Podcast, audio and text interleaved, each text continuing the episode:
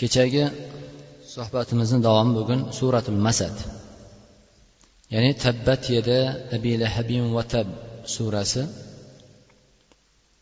Bu sura makka mukarramada nozil bo'lgan.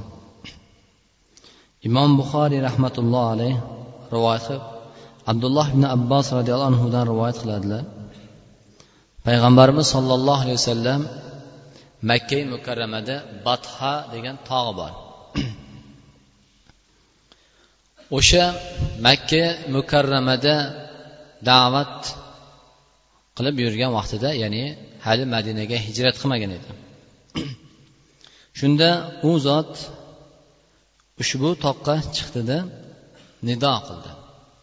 Ya'ni makka ahlini chaqirdi. U vaqtida albatta makka ahli hozirgi sizu biz ko'zimiz bilan ko'rganda juda keng ya'ni imoratlari bunaqa keng emas edi. Hammamizga ma'lum makka baytulloh ikki tog'ni o'rtasidagi bir imorat. Makka ahllari ham e, shunaqangi bir ikki tog' o'rtasida e, joylashgan edi. Unaqangi hozirga o'xshab keng tarqoq holatda emas edi. Shunda u zot chaqirdida ya sabaha makka ahlini nido qilib chaqirdi. Quraysh. Quraysh ahli rasululloh sollallohu alayhi vasallamni bu chaqirigini eshitib hammasi to'plandi فقال أرأيتم إن حدثتكم أن العدو مصبحكم أو ممسيكم أكنتم تصدقوني agar men sizlarga ertami kech mana shu ya'ni tog'ni orqasida sizlarga hujum qiladigan dushman bor deb aytadigan bo'lsam sizlarga shu ushbu xabarni yetkazadigan bo'lsam sizlar meni rost so'zlayapti deb aytasizlarmi? Ya'ni rasululloh sollallohu alayhi vasallam makka ahlidan ularni payg'ambarimizga bo'lgan ishonchini oldin oldi. Hammamizga ma'lum. Va ushbu ishonchni olgandan keyin ular hammalari bir ovoz aytdiki qolu naam ha dedi. Sen agar bu tog'ni orqasidan bizga hujum qiladigan dushman borligini haqida xabar bersang biz seni tasdiq etamiz ya'ni seni inkor etmaymiz degan ma'noda ular hammalari bir ovozdan ha deb javob berdi قال فإني نذير لكم بين يدي عذاب شديد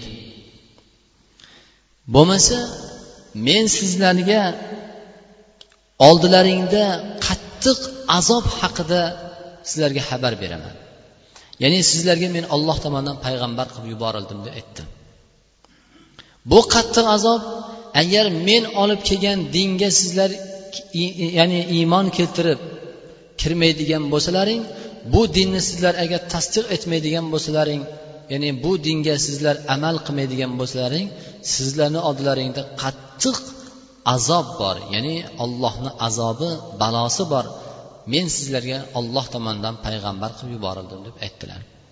Shunda to amakilari abu lahab ya'ni o'zini amakisi ya'ni otasini akalari bo'lgan abu lahab aytdiki bizni mana shu narsa uchun jamlading. Ya'ni shu xabar uchun.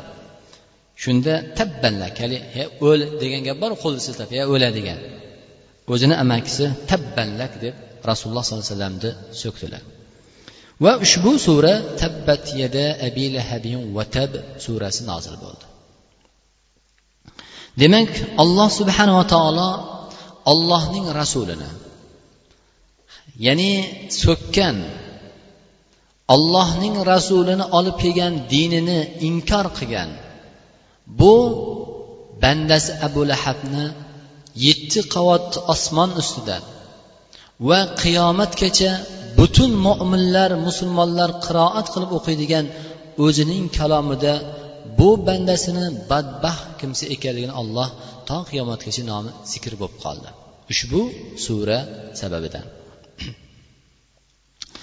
Demak rasululloh sollallohu alayhi vasallamni olib kelgan xabari birontasi inkor qilmadi. Sizu bizni agar olib kelgan xabarimizni aytadigan bo'lsak hamma tasdiq etmaydi hech qachon. Nima uchun? Nima uchun rasululloh sollallohu alayhi vasallamni inkor qilishmadi? Sababi hayotlarida bu kishini aminlik amin ekanligiga so'zlagan so'zini rost so'zlaydigan zot ekanligiga hatto islomdan payg'ambarlikdan oldin ham birodarlar.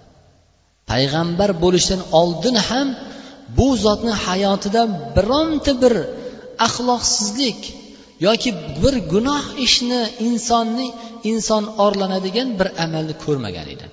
Shuning uchun makkada hammamizga ma'lum. Ya'ni hajaril asvat ya'ni qora toshni qo'yishlikdagi ixtilofi. Va ular kim mana shu ishdan birinchi bo'lib kirib keladigan bo'lsa o'sha odamga rozi bo'lishi bo'lgan vaqtlarida payg'ambarimiz sallallohu alayhi vasallam nima kirib keldi? Bu islomdan ya'ni payg'ambarlik ya'ni yoshidan oldin. Payg'ambar bo'lmasdan oldin edi. Va u zot kirib kelganda hammalari xursand bo'ldi.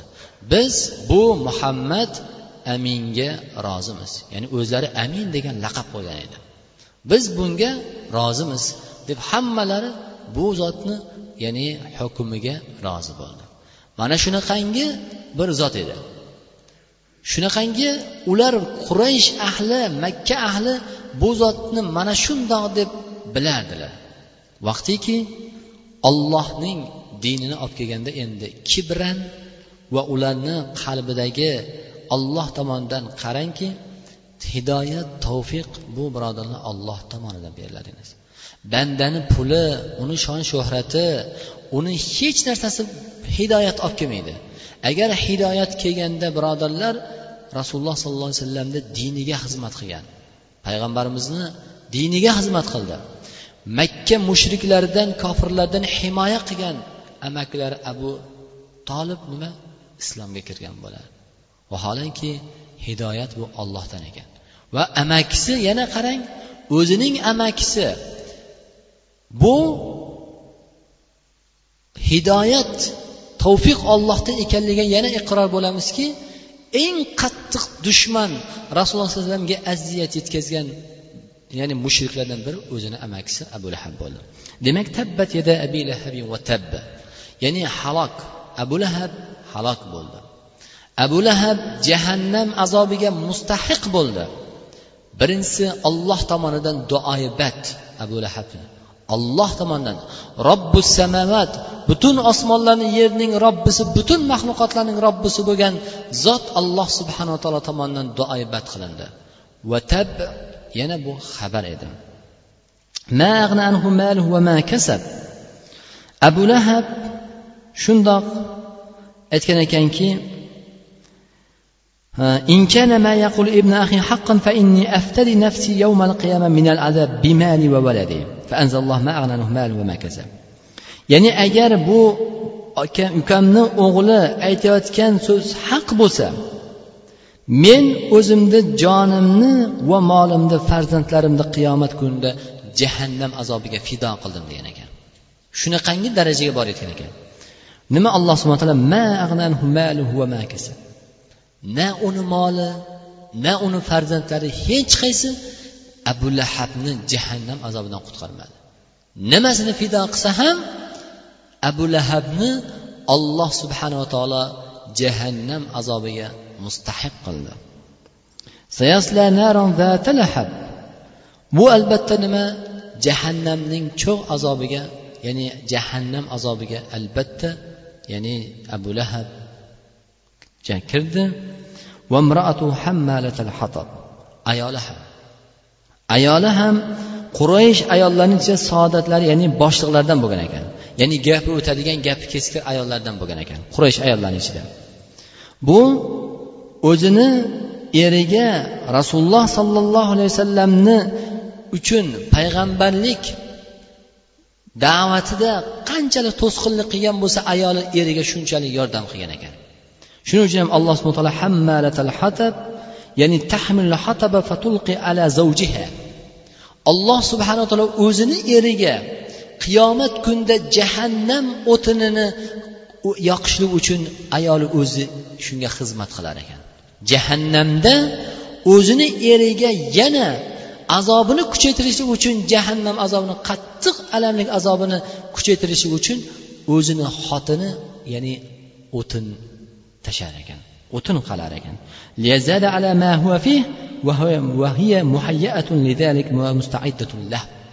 Tayyorlab berar ekan. Shuning uchun bu oyatda nima?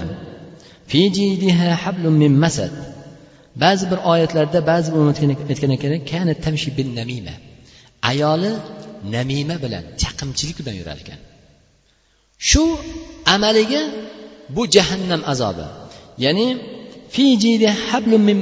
jahannam azobidan bo'lgan arqonni bo'yniga osilar ekan olovdan bo'lgan ayoliga. Va ba'zi bir rivoyatlar ulamo aytgan ekanlarki ba'zi bir mufassirlar rasululloh sollallohu alayhi vasallamni yo'llariga shu ayoli ya'ni abu lahabni ayoli e, vahiya vahya ummu jamil ekan oti.